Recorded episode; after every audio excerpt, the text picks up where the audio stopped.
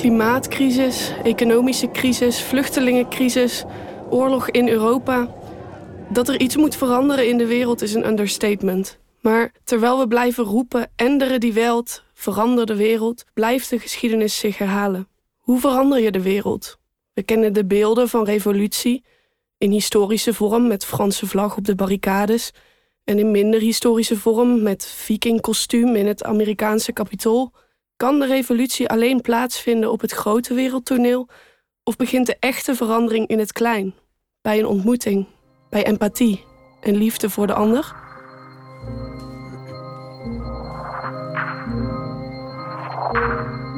Mit wem saße der Rechtliche nicht zusammen, Rechte zu helfen? Welche Medizin schmeckte zu schlecht dem Sterbenden?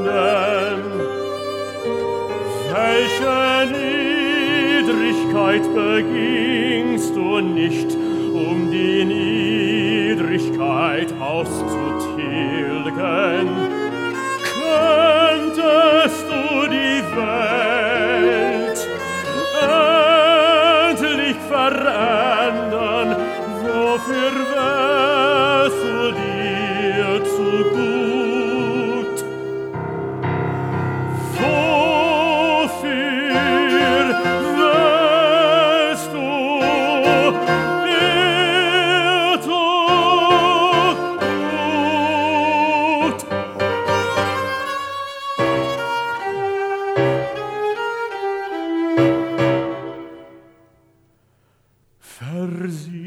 Trinke in Schmutz,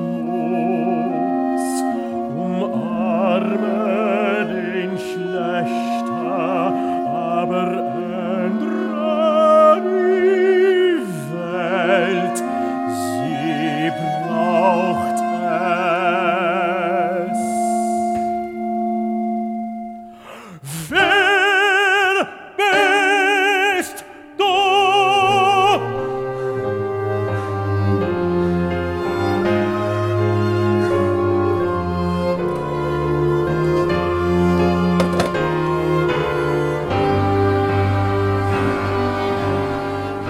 luistert naar de podcast over Enderen die Welt.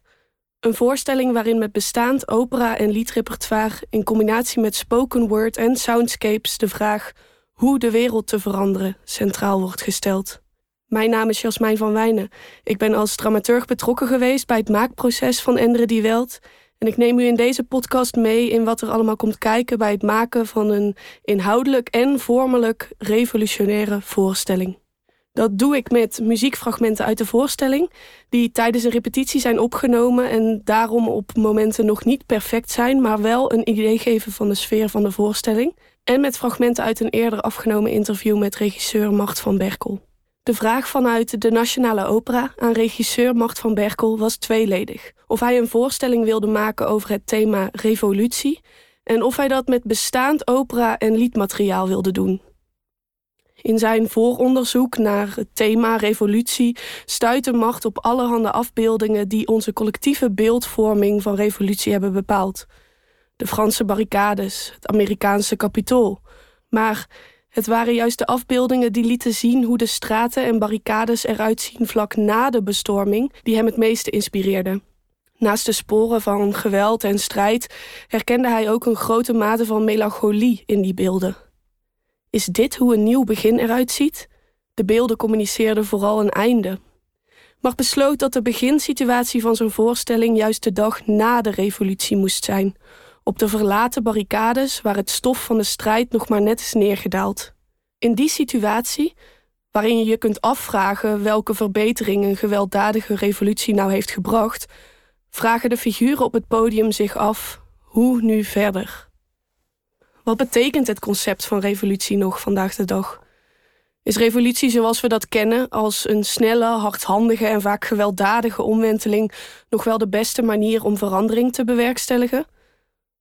Lotte Spreeuwenbergs boek Liefde en Revolutie vormde een inspiratie in de conceptfase van Endre die Welt. In het boek beschrijft Spreeuwenberg empathie als motor voor revolutie en activisme als beweging van liefde. Ze stelt dat revolutie op kleine schaal begint, uit aandacht en zorg voor de ander. Het liet Macht nadenken over zachtaardigere manieren om de wereld te veranderen, over de revolutie op kleine schaal. Macht zei daarover in een eerder interview. Ja, voor mij gaat het terug over uh, en en. Dus het is niet zo dat ik een anti-revolutionaire voorstelling wil maken. Maar wat ik heel graag, wat ik hoop te laten zien met de voorstelling, is dat uh, verandering of maatschappelijke verandering zich niet exclusief op het grote wereldtoneel en op de slagvelden en in de grote revoluties afspeelt. Dat is misschien soms een beeld wat we hebben, of wat we denken: oh ja, pas als iedereen massaal de straat op gaat, dan verandert er iets. Maar wat ik eigenlijk hoop te laten zien, is dat op veel kleinere schaal, dus ook gewoon tussen twee mensen, of ook tussen vier mensen, mensen die elkaar niet kennen, dat daar eigenlijk ook de ontmoeting kan, uh, kan plaatsvinden. En dat in die ontmoeting dat die ook politiek kan zijn. En juist naar elkaar luisteren en samen toenadering zoeken, empathie uh, voor elkaar opbrengen, naar elkaar luisteren. Ja, dus eigenlijk in de hele. In niet zozeer op de, de macroniveau, maar op microniveau, dat dat ook revolutie is. Of dat daar ook, dat het ook politiek kan zijn. Bij een voorstelling over revolutie verwacht je denk ik iets heel bombastisch, misschien als toeschouwer, maar het leek me juist spannend om iets heel klein menselijks te maken eigenlijk. Muzikaal leider van Endre Die Welt, Pedro Berisso, werd voor de uitdagende taak gesteld om een selectie van bestaande muziek te maken voor een voorstelling over revolutie met slechts vier zangers en een klein ensemble. Geen massale groepscènes en overbevolkte toneelbeelden dus, maar een klein groepje mensen dat zich om zich te beschermen tegen het grootste geweld heeft teruggetrokken in een openbaar gebouw en de dag na de revolutie de brokstukken die ooit een thuis vormden opruimt, een nieuw bestaan op probeert te bouwen en zich in dat proces tot elkaar moet verhouden. Endre die Welt is een zogeheten pasticcio. Historisch gezien kwam de pasticcio vooral in de 18e eeuw tot ontwikkeling omdat er in die tijd een enorme belangstelling was voor Italiaanse opera, werd er een vorm bedacht waardoor een breed publiek toegang kreeg tot het populairste materiaal uit nieuwe opera's.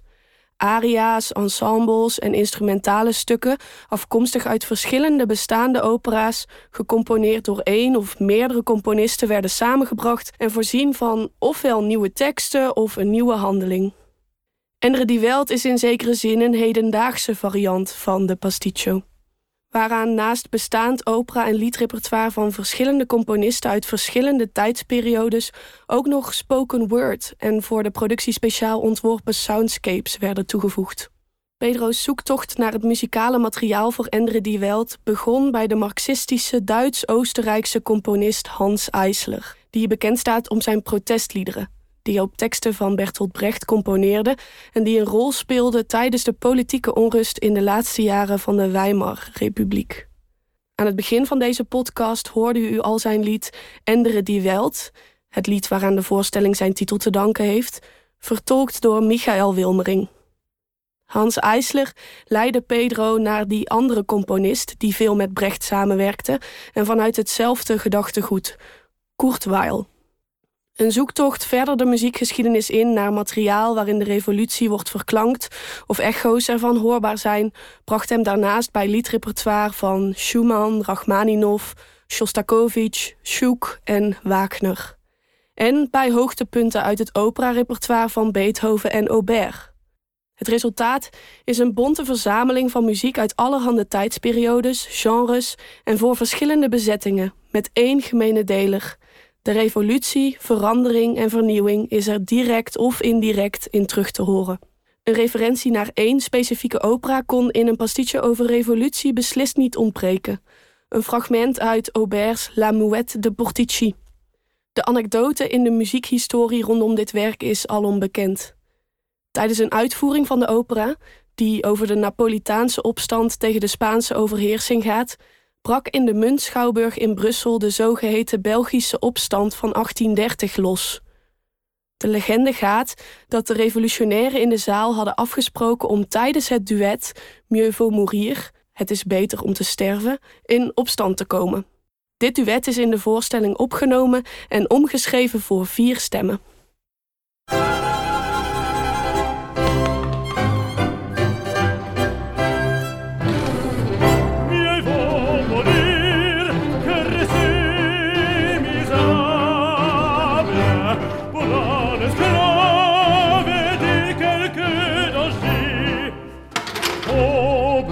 Le jour qui nous accable et sous nos coups périssent l'étranger, périssent l'étranger.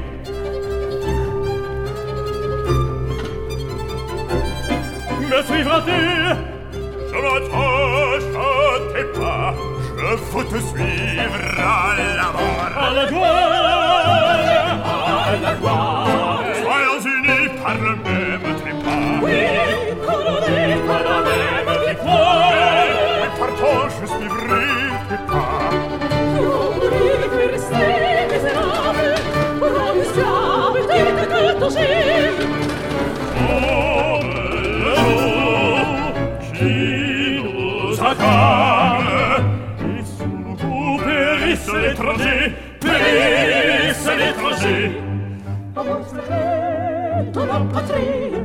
Je me laisse et la fierté. Enculé, j'ai mal la vie. Une de grâce liberté. Oh, bourgeois, à Madrid.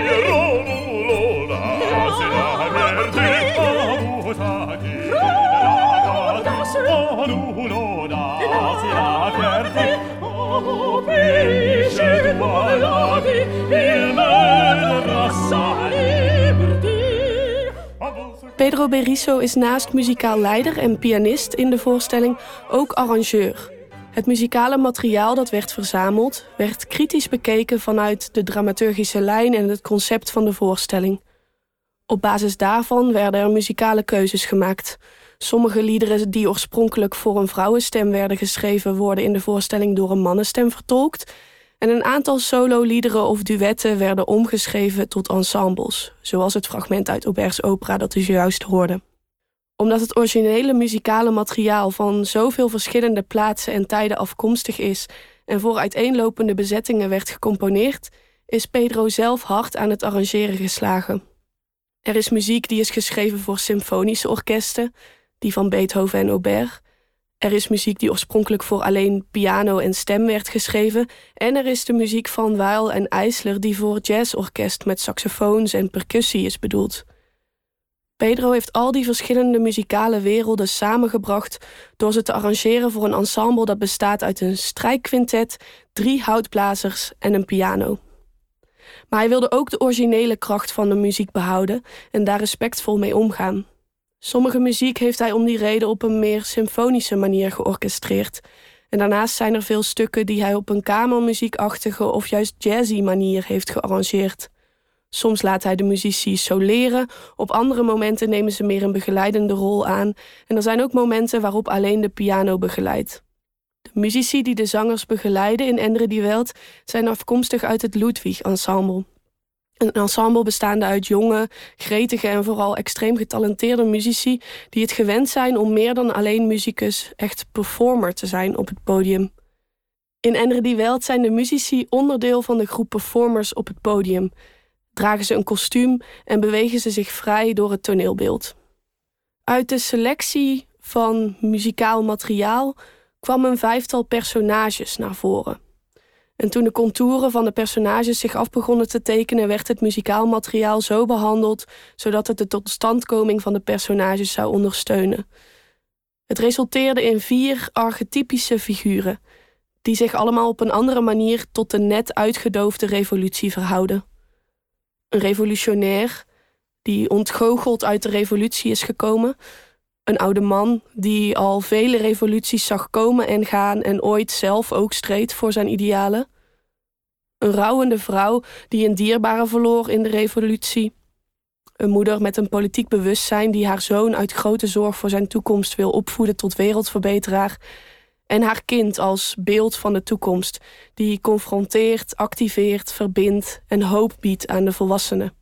Het kind is dus het zesde niet sprekende, nog zingende personage, maar speelt in de voorstelling een grote rol. Macht zij over het personage van het kind in een eerder interview? Ik denk dat in interactie met kinderen dat die sowieso voor alle mensen eigenlijk heel ontwapenend kunnen zijn. En dat zich in interacties met kinderen ook heel snel verschillen in wereldbeeld of denkbeeld kunnen aantonen. Mhm. Die zich eigenlijk in interacties tussen volwassenen misschien veel meer op de achtergrond. Omdat met kinderen ben je natuurlijk altijd eh, vaak ook bezig met opvoeden. En ook met de vraag van wat is uh, goed en wat is kwaad. En zeg maar, het feit dat een kind permanent opgevoed moet worden en ook permanent dingen bijgebracht moet worden, ja, dat vraagt gewoon altijd dat je je uitspreekt over hoe de wereld voor jou in elkaar zit. En dat vind ik denk ik mooi, of dat op die manier dat dat kind eigenlijk bij alle personages zet eigenlijk de contrasten tussen de personages op scherp, uh, maar ook maakt ze ook ontwapenend en ook kwetsbaar eigenlijk, denk ik omdat in iedere interactie met een kind gaat het over ja, hoe ziet de wereld eruit of hoe wil je dat de wereld eruit ziet of dat het kind naar de wereld kijkt eigenlijk. Een kind is op een bepaalde manier ook nog soort blanco blad, hè, wat natuurlijk beschreven kan worden. De vier volwassen personages projecteren hun denkbeelden op het kind en voeren de druk op de schouders van het kind hoog op. De jeugd heeft de toekomst en die toekomst moet er vooral beter uitzien. Het veranderen van de wereld wordt in de schoenen van een nieuwe generatie geschoven. Mein Sohn, was immer auch aus dir werde, sie stehen mit Knüppeln bereit schon jetzt. Denn für dich, mein Sohn, ist auf dieser Erde nur der Schutterbergrodsplatz da und der ist besetzt. Mein Sohn, lass es dir von deiner Mutter sagen, auf dich wartet ein Leben schlimmer als die Pest. Aber ich hab dich nicht dazu ausgetragen,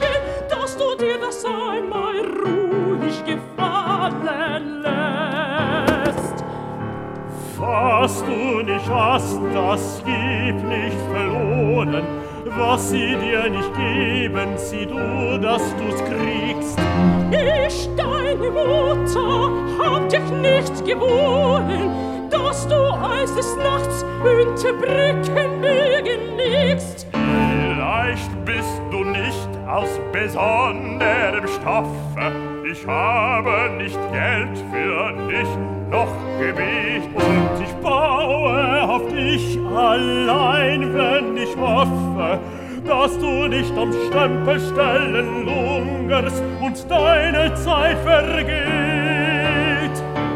Wenn ich nachts schlaflos neben dir liege, fühle ich auf deine kleinen Faust. Ich sie planen mit dir jetzt schon Segel. Was soll ich nur machen, dass du nicht ihren dreckigen Lügen traust? Deine Mutter, mein Sohn, hat dich nicht belogen, dass du etwas ganz Besonderes seist. Aber sie hat dich auch nicht mit Kummer aufgezogen, dass du einmal im Stacheldraht hängst und nach Wasser schreist.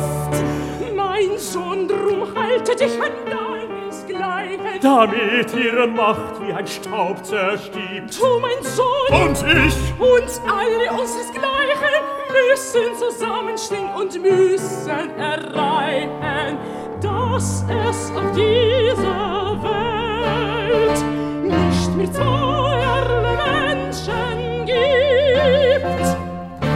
dass es auf dieser Welt nicht mehr zweierlei In dit vierde lied uit de Vier Wiegenlieder van Hans Eisler op teksten van Bertolt Brecht is duidelijk terug te horen hoe alle volwassenen een toekomstbeeld voor het kind hebben en benadrukken wat hij wel en vooral ook niet moet doen om een wereldverbeteraar te worden. Het heen en weer slingeren van het kind tussen die verschillende adviezen wordt benadrukt doordat het oorspronkelijk sololied voor Endre die Welt werd omgeschreven voor vier verschillende stemmen. Een pasticcio-voorstelling maken brengt de nodige uitdagingen met zich mee. Hoewel er gewerkt moet worden met bestaand muzikaal materiaal, levert dat nog niet automatisch personages, een rode draad of dramaturgische spanningsboog op. Die structuur moet zelf gebouwd worden op basis van verschillende theatrale middelen. Bij Macht ontstond het idee om naast de personages die uit de muziek ontsproten waren, spoken word, een heel hedendaagse performatieve dichtvorm, toe te voegen aan de voorstelling. Hij benaderde Amara van der Elst, die in 2021 indruk maakte met haar voordracht tijdens de dodenherdenking op de Dam in Amsterdam, die dat jaar als gevolg van de pandemie door heel veel Nederlanders via de televisie in de eigen woonkamer werd bijgewoond. Amara werd een figuur die in de taal van nu kan reflecteren op dat wat in de liederen bezongen wordt. Een stem die de vraag hoe de wereld te veranderen naar het nu brengt. 2023 in dit specifieke theater op dit specifieke tijdstip. Als een toneelmeester, presentator, stand-up, filosoof of verhalenverteller begeleidt ze de toeschouwer door de voorstelling en plaatst er haar vraagtekens bij. Zij is de baas over wat er gebeurt op het toneel. Zij kan het geheel op play en op pauze zetten, het terugspoelen of juist vooruitspoelen. Zij laat het doek opgaan en aan het einde van de voorstelling weer vallen. Ze is de motor van de voorstelling en roept alle beelden op. Samen met ons, de toeschouwers, vraagt ze zich af hoe we de wereld vooruit helpen. Ze stelt vragen, een heleboel vragen. En dat is een modus die ongebruikelijk is voor spoken maar die in tegenstelling tot het poneren van stellingen een grote openheid bij de toeschouwer creëert en die haast in de geest van Brechts leerstukken de toeschouwer zelf aan het denken zet. Het levert een spannende zoektocht op naar hoe vragen ook activerend kunnen werken en hoe vragen hoe dan ook nooit neutraal zijn. Sometimes I watch the world revolve around itself and I wonder what am I to you? What's a life to a generation? What's a life to a nation? What's unity to humanity? What's choice to necessity? What's February to a calendar? What's March to a soldier? What's a day to a century? What's a minute to millennia? What's time to a rock? What's a forest fire to a tsunami? What's an empire to an army? What's the definition of winning? What's an end to a beginning? Dat in Endre die Welt spoken word en opera op dit niveau samenkomen, op zo'n manier dat spoken word een letterlijke rol speelt in een muziektheatervoorstelling, is vernieuwend en draagt bij aan de revolutionaire kracht van de voorstelling. Het was echter alles behalve Marts doel om door opera en spoken word op één podium samen te brengen, de kunstvormen met elkaar te vermengen. Hij zei daarover. Nee, ik dacht, dat past helemaal niet goed bij elkaar. Oh ja. ja. nee, en ik zag, totaal, ik zag ook totaal geen overlap. Ja, natuurlijk inhoudelijk kun je wel zeggen, het heeft allebei met tekst en muzikaliteit te maken. Ja. Maar ik vond eigenlijk juist zo interessant dat het echt twee totaal verschillende kunstvormen zijn die, uh, die heel weinig met elkaar te maken hebben.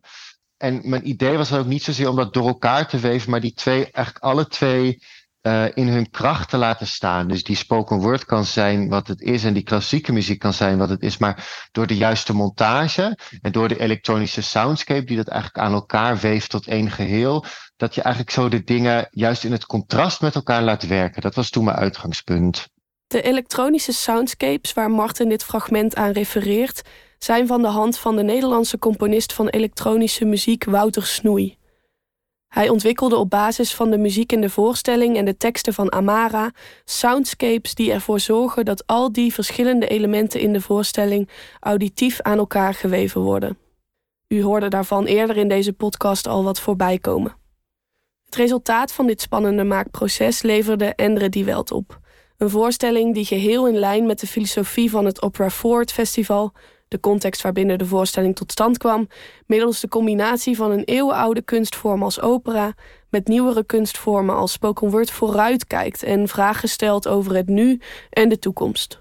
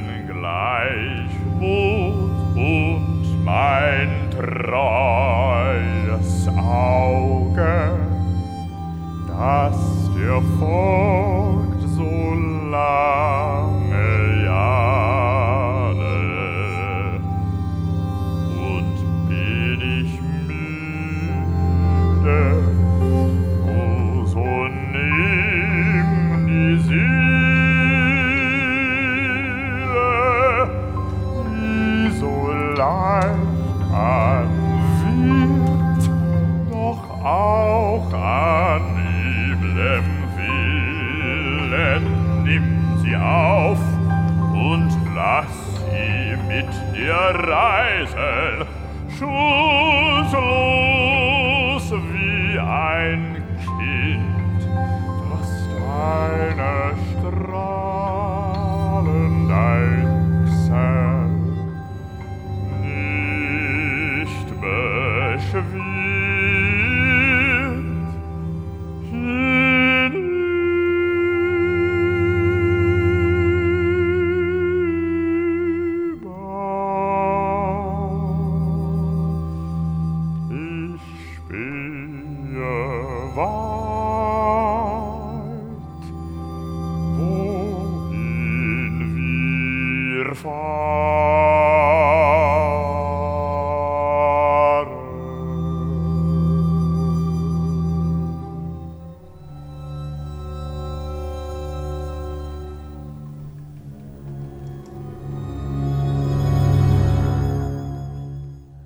U hoort een fragment uit Otmar Schuch's Nocturno op een tekst van Gottfried Keller, vertolkt door Sam Carl. De muziekfragmenten in deze podcast werden opgenomen tijdens een repetitie. En u hoorde Michael Wilmering, Sam Carl, Ina Demenkova en Eleonora Hu zingen. Een cast bestaande uit zangers van de Nationale Opera Studio-leden en alumni. Endre Die Welt kwam tot stand binnen het kader van het Opera Forward Festival en is een co-productie met de Nederlandse Reisopera en Opera Zuid. Endre Die Welt gaat op zaterdag 11 maart in Theater de Meervaart in Amsterdam in première en is na een tweede voorstelling in de Meervaart op zondag 12 maart door het hele land te bezoeken. Ga naar operaballet.nl om kaarten te kopen voor een voorstelling bij u in de buurt.